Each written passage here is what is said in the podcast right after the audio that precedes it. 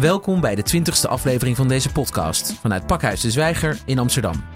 Mijn naam is Maurice Seleki en ik spreek met Jan de Ridder, directeur van de Rekenkamer Metropool Amsterdam.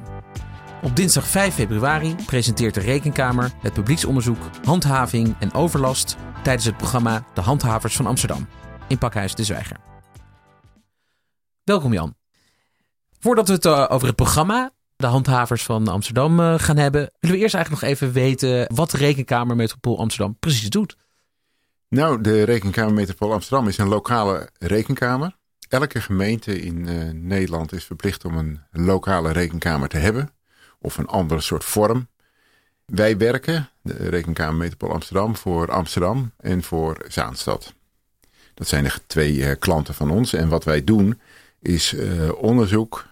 We zijn niet echt een accountantbureau. Wij doen onderzoek. We zijn een onderzoeksbureau en we doen onderzoek naar de doelmatigheid en doeltreffendheid van het door Amsterdam en Zaanstad gevoerde bestuur. Op allerlei verschillende terreinen. Dus inhoudelijk houden we ons met alles en nog wat bezig.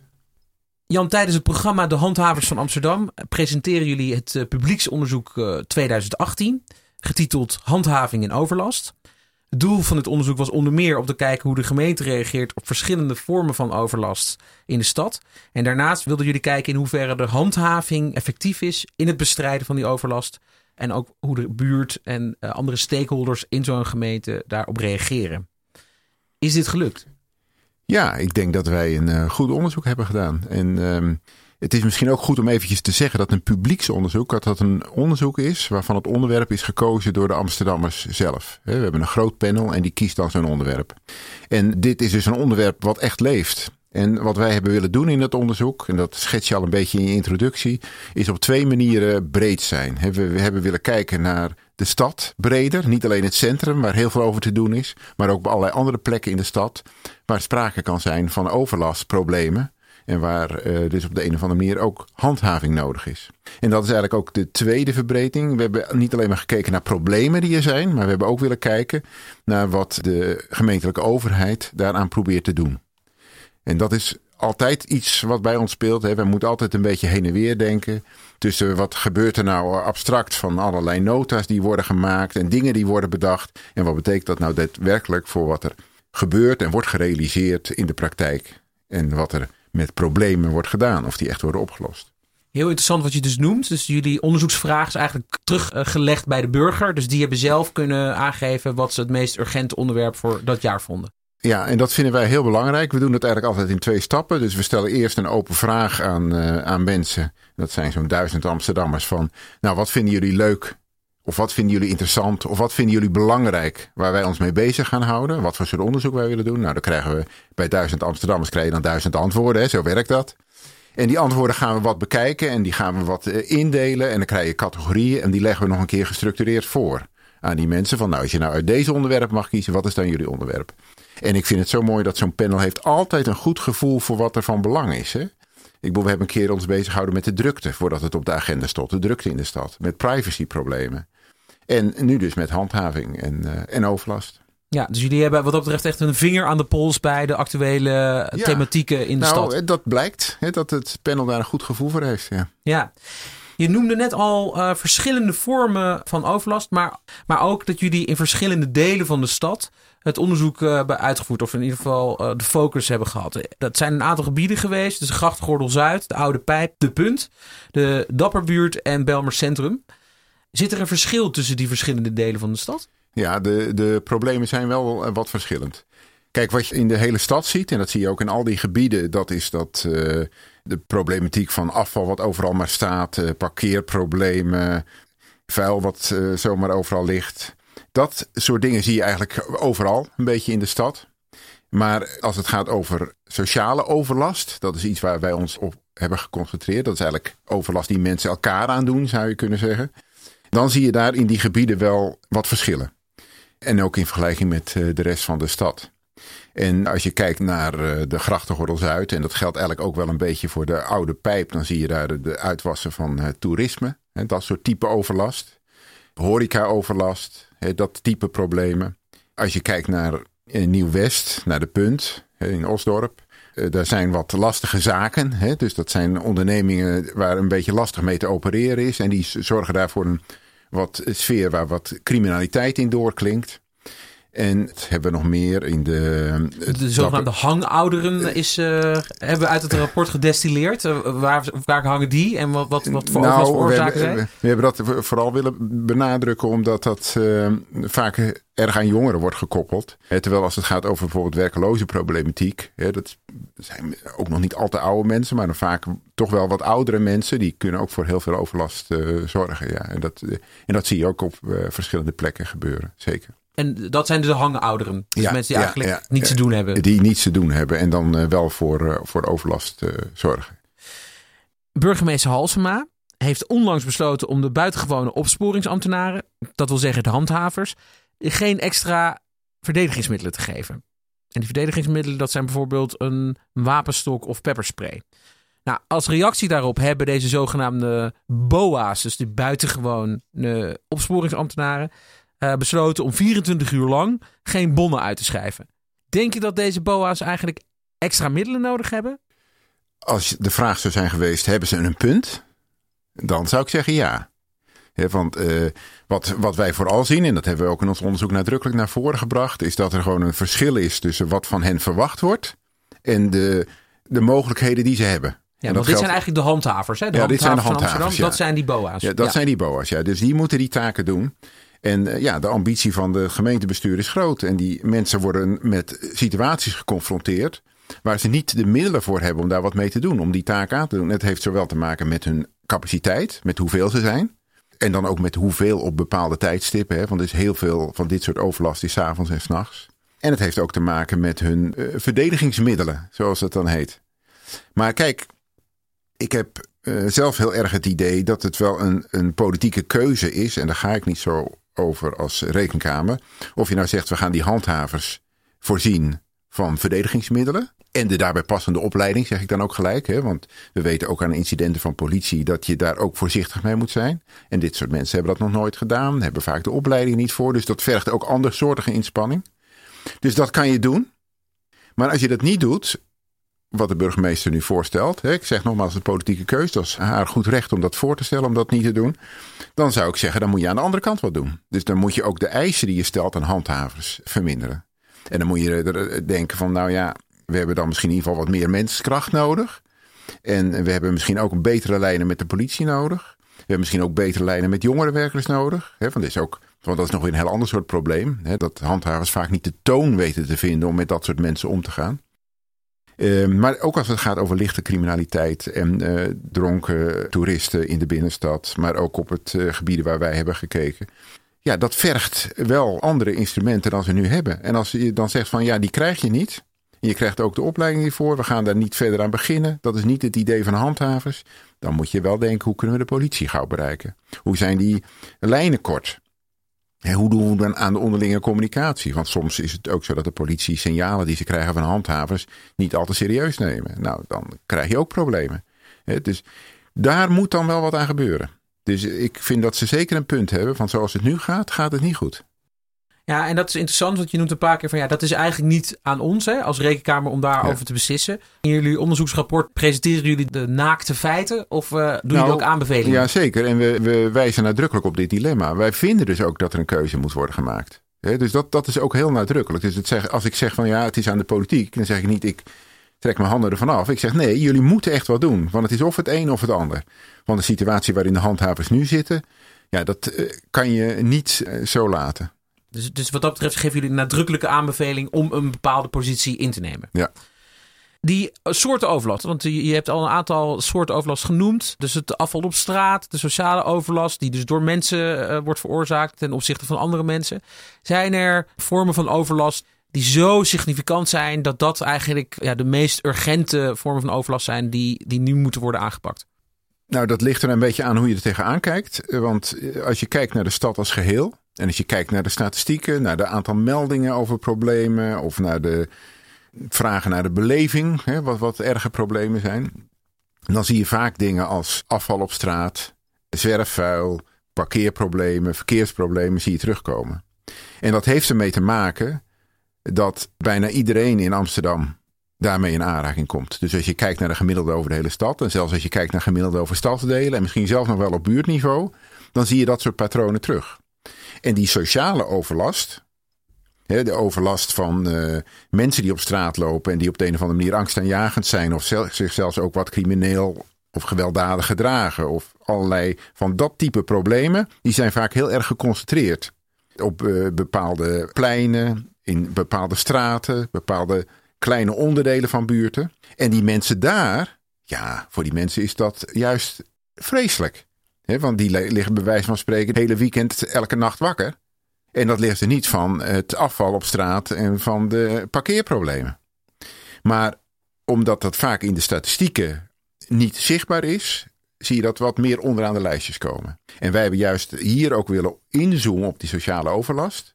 we kennen dat natuurlijk allemaal uit het centrum, want daar is het niet op straatniveau, dat is de hele wijk. Dus daarom heeft het ook wel een gezicht gekregen. Maar ook op andere plekken in onze stad zie je geconcentreerd op bepaalde pleinen in bepaalde buurten dit soort problemen terugkomen. Rekenkamer Metropool Amsterdam uh, gaat ook over Zaanstad. Daar gaat dit onderzoek natuurlijk niet over. Maar ik kan me voorstellen dat er wel bepaalde overeenkomsten zijn tussen eh, de situatie in Zaanstad en Amsterdam. Nou ja, wij hebben in uh, Zaanstad op dat punt geen onderzoek gedaan. Maar ik denk wel dat in alle gemeentes in Nederland vergelijkbare problemen spelen. Ik woon eerlijk gezegd zelf niet in Amsterdam op dit moment, maar in Haarlem. Ik, ik herinner me nog een, een, verhaal daar en dat, dat is me ook altijd bijgebleven. En dat was dat er op een bepaald plein, daar kwamen altijd na afloop van uh, dat de popconcerten waren afgelopen, dus een uur of twee, drie, kwamen de jongeren daar de rest van de nacht hangen. En met alle lawaai die erbij hoorde. En dat was een speeltuintje. En ja, die mensen hebben dus heel lang actie gevoerd om dat ongedaan te maken. Maar dat was voor die mensen een enorme belasting. En dan gaat het over, je zou zeggen, tien jongeren. Wat is dat voor probleem? Maar voor die mensen was het dus elk weekend wakker liggen. En hun kinderen die wakker werden, et cetera. Nou, en ik denk dat je dus op allerlei plekken in Nederland kan je dit soort plaatsen aanwijzen. Dus dat is breder dan alleen maar Amsterdam. Kijk, Amsterdam heeft een enorme overdaad aan toeristenoverlast. Dat is natuurlijk heel specifiek. Hoewel dat in sommige plaatsen ook wel wat uh, te signaleren is.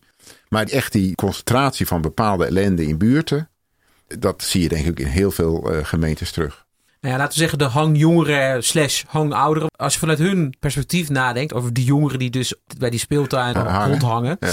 Of op andere pleinen. Van wellicht zou de gemeente of gemeentes zouden wat meer infrastructuur moeten inrichten om de hangouderen slash hangjongeren te faciliteren met, met ruimte waar ze kunnen hangen. Zou dat dan een oplossing kunnen zijn?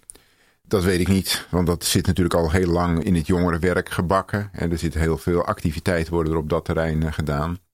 Maar ik denk dat dit ook vaak een bewuste behoefte is van de jongeren om zich op die manier wat te manifesteren.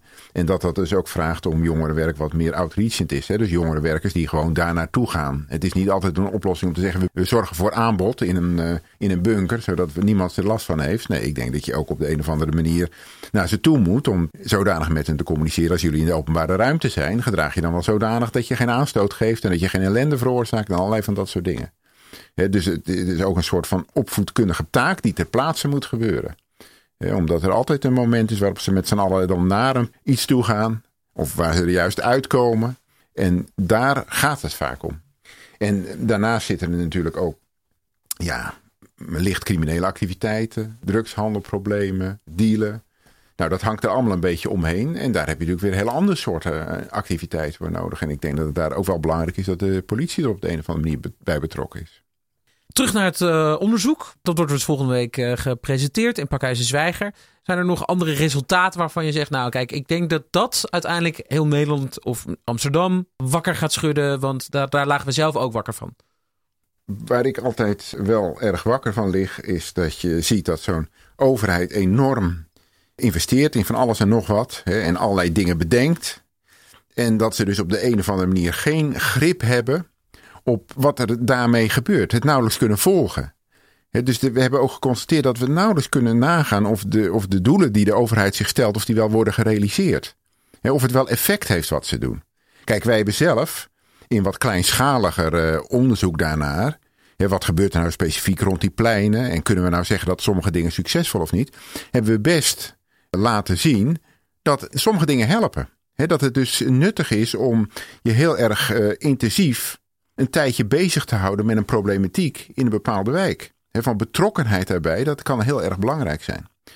Uh, wat ik wel van wakker ligt, is dat je dus aan de ene kant heel veel investeringen ziet van de overheid. En dat die niet goed in staat is om te reproduceren wat nou succesvol is. Dus de impact eigenlijk. de impact kan niet worden gemeten. Nee, daar hebben ze onvoldoende greep op. En dat, en dat is wel heel belangrijk als je wil dat je dingen doet die echt bijdragen aan de oplossing van het probleem. En dat vind ik, eh, vind ik in ieder geval een, eh, een belangrijk aandachtspunt. En wat ik ook heel belangrijk vind, is dat de overheid ja, zijn eigen zichtbaarheid vergroot. En dat, dat staat wel ook in allerlei stukken, maar je ziet het daadwerkelijk zo weinig. Ik bedoel, als je aan mensen vraagt op, rond die pleinen, zeggen ja, we zien hier nooit handhavers. We zien hier geen overheid. Hè? Handhaven is natuurlijk een vorm van het gezicht van de overheid. En uh, ja, je kan natuurlijk niet altijd overal zijn, maar het gaat om cruciale momenten. En het gaat om gevoel van betrokkenheid. En het gaat ook om het uitleggen aan mensen wat je doet. Ik, ik denk dat bewoners er best begrip voor hebben dat niet alle problemen zomaar opgelost zijn. Maar ze wil wel een actieve overheid zien. En ook een communicerende overheid. Ja, of een overheid ja, maar, die, die een overheid die, die, gewoon, die gewoon uitstraalt dat ze er wat aan wil doen en dat ze dit niet accepteert en dat ze ermee bezig is. En dan accepteren eh, op hun beurt bewoners veel meer dat het niet direct lukt. Maar als ze maar het gevoel hebben, ja, er gebeurt niks en het is een papieren wereld en ze weten niet wat hier speelt, ja, dan, dan krijg je problemen. En dat is zo erg essentieel. Als je je verschuilt achter nota's, dan voed je gewoon uh, het hele gevoel van uh, ze, ze doen niks voor ons. En is dit wat dat betreft niet alleen maar een, uh, een oproep aan, aan overheden, maar is dat, geldt het dan eigenlijk ook voor woningcorporaties en voor allerlei andere eh, ja, publieke instellingen die ook een maatschappelijke rol vervullen ten opzichte van de burger? Ja, maar ik eh, vind wel dat het, het, het initiatief echt bij de overheid ligt als het gaat over de handhavingstaak. Hè. Dat, dat, dat vind ik wel een verantwoordelijkheid die daarbij primair uh, ligt. Maar ik, dat zeggen we ook in het rapport, dat het contact met En in dit geval dus de gemeente Amsterdam. Ja, de gemeente Amsterdam. Maar dat contact met allerlei ketenpartners, zoals we dat ook in het rapport noemen. Hè, dus met allerlei andere mensen die zich met dit soort dingen bezighouden van een corporatie doet dat natuurlijk wel als het gaat over zijn eigen bezit hè, en zijn huurders en de problemen daaromtrent. Dan schiet dat op dit moment ook tekort en kan dat veel beter. Dus al die andere partijen zijn ook zeker van belang. Maar wij vinden wel dat de overheid daar wel een zeker initiatief in moet nemen om dat op een goede manier tot stand te brengen. Voor de luisteraar die in het Amsterdamse ambtelijke apparaat goed ingevoerd is, die ziet misschien een overeenkomst met de dienst OIS, uh, eh, onderzoek en statistiek, die ook onderzoek doet. Dat is eigenlijk van de gemeente. Jeroen Slot is een bekende onderzoeker. In hoeverre verschilt jullie werk met de Rekenkamer Amsterdam met dat van uh, eh, OIS? Nou, ik ken uh, Jeroen Slot goed en we werken ook wel eens samen met OIS. Ze doen wel eens wat dingen voor ons. Maar wat een heel cruciaal verschil is, kijk, de Rekenkamer is een onafhankelijk instituut. En OIS is een dienst van de gemeente.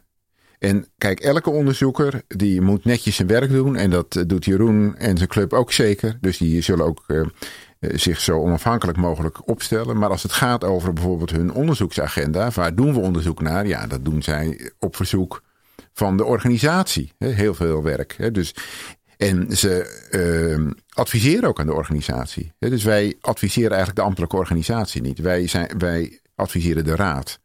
En onze de gemeenteraad. de gemeenteraad, ja. En wij adviseren ook op het. Ja, onze, onze aanbevelingen die, die proberen ook de raad en de gemeenteraad aan te spreken in zijn taak. En wat, wat de gemeenteraad eraan zou kunnen doen om dit beter te laten, te laten lopen. En die onafhankelijkheid is dus een heel cruciaal verschil. En dat heeft ook te maken met de onderzoeksagenda. Wij hebben elk jaar een, eh, een onderzoeksprogramma van voor Amsterdam 7, 8, 9 onderwerpen. Waar we onderzoek naar gaan doen. En die agenda, uiteindelijk heb ik daar het laatste woord over. Dus eh, leg ik vast wat, wat, ik, wat ik ga doen. Jij als directeur-bestuurder van de Rekenkamer. Ja, Dat is ook wettelijk vastgelegd. Ja, maar daar gebruik ik natuurlijk input bij van mijn onderzoekers. En zoals het publieksonderzoek, hè, ook van, uh, van Amsterdammers. Maar uiteindelijk uh, heb ik daarover zelf het laatste woord. En dat zorgt er ook voor dat je, nou ja, dat je op die manier onafhankelijk bent. Kijk, de, de raad kan bij mij, een, de gemeenteraad kan een verzoek indienen om een onderzoek te doen. Maar ook dat kan ik naast mij neerleggen. En de consequentie daarvan is dat eigenlijk een gemeenteraad bij mij nooit een politiek verzoek indient. er is eigenlijk altijd, als de verzoeken komen, en die komen nog wel eens, is het gewoon door de gemeenteraad in zijn geheel. En dan, dan wordt eigenlijk bijna unaniem zo'n verzoek gesteund. Nou, dan, dan doe ik dat natuurlijk. Hè, want ik ik werk voor de raad en dat vind ik verder prima. En die onafhankelijkheid is voor mij ook alleen maar een, uh, ja, een instrument om geen politiek instrument te worden in handen van de meerderheid van een gemeenteraad. Die dan mij de hele tijd vertelt wat ik moet doen. Dat is niet de bedoeling geweest van de wetgever. Er zijn natuurlijk ook dingen die goed gaan in een stad. En uh, wellicht blijken die ook uit jullie onderzoek. Zijn er, zijn er punten waarvan je zegt, nou, daar zijn we eigenlijk wel heel erg positief uh, door verrast? Nou ja, ik noemde net eigenlijk al eventjes die intensieve projecten. Dat je gewoon je even concentreert op een probleem en daar een tijdje mee bezig bent. He, want het, vaak is het opbouwen van een band met zowel de probleemmakers als de mensen die er last van hebben, is heel belangrijk om het probleem op te lossen. En we hebben daar gewoon voorbeelden van gezien die gewoon goed hebben gewerkt. En in die zin. En zouden dat een soort best practices kunnen zijn die je ook weer kunt projecteren op andere, ja, in andere delen van de stad? Nou ja, we hebben ook geprobeerd dat een beetje te vertalen in concrete suggesties. Van ja, uh, wees echt even betrokken erbij. Zorg voor intensieve aandacht gedurende korte tijd.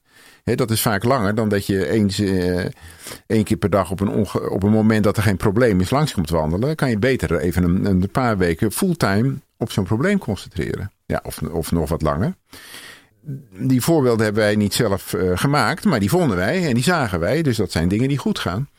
En ik vind in zekere zin ook wel de hele manier waarop de gemeente zou willen werken, vind ik ook wel helemaal oké. Okay. van ze, ze willen heel graag wat ze noemen informatiegestuurd werken. Nou, wat betekent dat?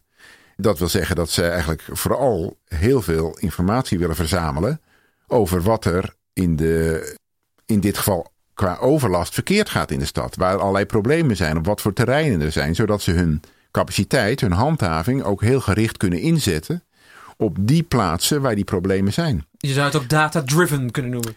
Ja, er zit natuurlijk ook nog wel een idee achter van ja, wat, hoe moet je dan met eh, bepaalde problemen omgaan en wat zijn dan de meest urgente problemen. En ik vind dat wel een goed idee. Als je eh, je realiseert dat capaciteit altijd beperkt is, is het wel heel belangrijk om, om op zo'n manier eh, te werken. Alleen zien we dan dat in de uitvoering dat niet helemaal oké is. Hè? Dat, dat, dat zei ik net al een beetje van ja, dat ze eigenlijk niet echt grip hebben op al die informatie. Ze hebben wel allemaal data. Maar dat is ook, ook lastig. Kijk, als je bijvoorbeeld uh, zegt van nou, je wilt het aantal meldingen bijhouden. Wat zegt nu het aantal meldingen? Ook iets over de meldingsbereidheid.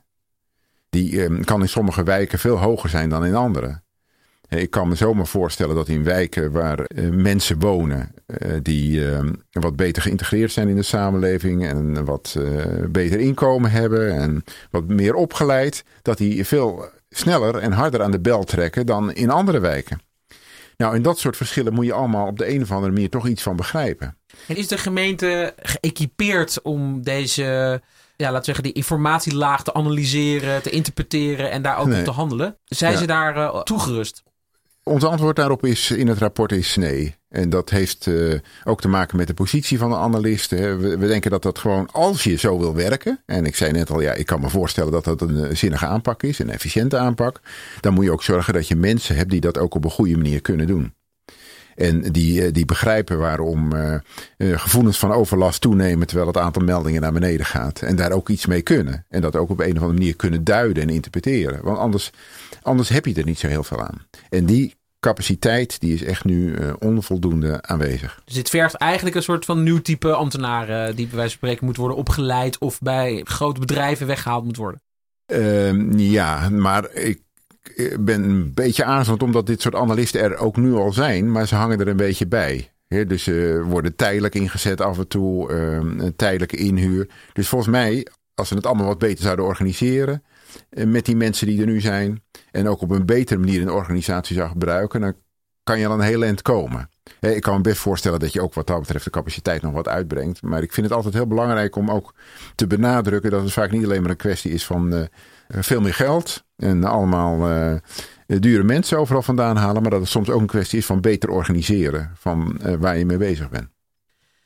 Volgende week wordt het onderzoeksrapport uh, gepresenteerd in Pakhuis de Zwijger. Met uh, diverse hoogwaardigheidsbekleders. Waaronder Tanja Jatna Nansing, stadsdeelvoorzitter van Amsterdam Zuidoost. Wat staat er nog meer op het programma? Kijk, wat wij uh, heel leuk vinden dat er gaat gebeuren, is dat er gewoon aan tafels wordt gepraat over de problemen in de verschillende buurten en wat we daaraan zouden kunnen doen. En dat een beetje geïllustreerd en gevoed door allerlei bevindingen die wij in ons rapport hebben. En nou, ik verheug me daar enorm op, omdat wij een van de belangrijke dingen die wij uh, willen bereiken met onze onderzoeken, is dat er een, een debat ontstaat, dat er mensen mee gaan praten, dat er politici mee gaan praten, maar ook zoveel mogelijk mensen uit de stad, om samen te zoeken naar hoe we nou kunnen omgaan met dit soort dingen. En daar proberen wij heel veel input te geven. Hè? Zowel van, ja, door te laten zien wat er nu aan de hand is, door suggesties te geven over hoe dingen beter zouden kunnen. Maar een van onze aanbevelingen is ook dat het heel belangrijk is om uh, bewoners te betrekken.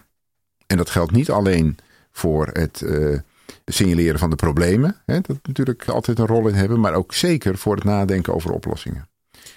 En jullie hebben ook al die duizend uh, inzenders, dus die panelleden, uh, die ja. hebben jullie ook allemaal uitgenodigd. Hè? Dus die ja. komen ook nu eigenlijk voor het eerst hun onderzoek in ontvangst nemen, zou je ja, kunnen zeggen. Ja, wij proberen ook hen op allerlei mogelijke manieren bij allerlei onderzoeken te betrekken. Maar we vinden het altijd wel belangrijk om bij dit onderzoek in ieder geval even speciale aandacht te geven. En ook hen te vertellen over, over wat, wat er uitgekomen is uit het onderzoek wat zij hebben gekozen. En wij zullen ook even van de gelegenheid gebruik maken om dan te vertellen wat het publieksonderzoek van dit jaar is. Want dat hebben zij ook gekozen. Ah, ja, precies. Want daar wil ik eigenlijk ook uh, naar vragen. Wat staat er op het programma voor 2019?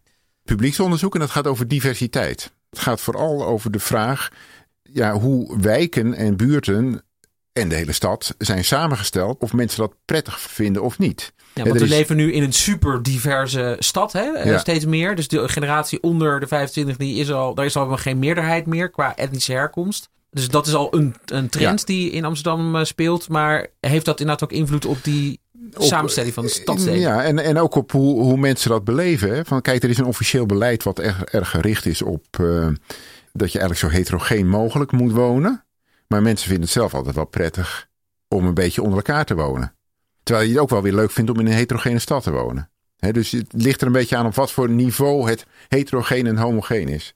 En dat je het leuk vindt om met vergelijkbare mensen samen te wonen. Ja, dat geldt voor alle mensen. He. Dus dat, dat geldt ook voor mensen uit een etnische minderheid of uh, uit speciale lagen van de bevolking. Maar aan de andere kant denk ik dat mensen ook heel graag in een heterogene stad leven. Waar je juist allerlei verschillende prikkels krijgt. En ons onderzoek gaat natuurlijk een beetje over de vraag. Wat wil de overheid op dit punt in Amsterdam? Wat is haar doel? En weet ze dat te bereiken? En ook, wat vinden mensen eigenlijk prettig? Tot slot, Jan. Zou je nog iets uh, aan onze luisteraars van deze podcast uh, mee willen geven? Een oproep, een verzoek, een vraag? Nou, wat ik uh, graag zou meegeven als verzoek is: probeer een beetje mee te denken met de overheid. En dat kan gaan over allerlei verschillende soorten problemen. Is misschien een beetje een rare oproep, maar ik, ik heb soms wel het idee dat er in de samenleving heel erg het, de gedachte is van. We hebben uh, een overheid en we hebben burgers. En burgers zijn een soort klant van de overheid. En als de overheid niet goed doet, rekenen we het af.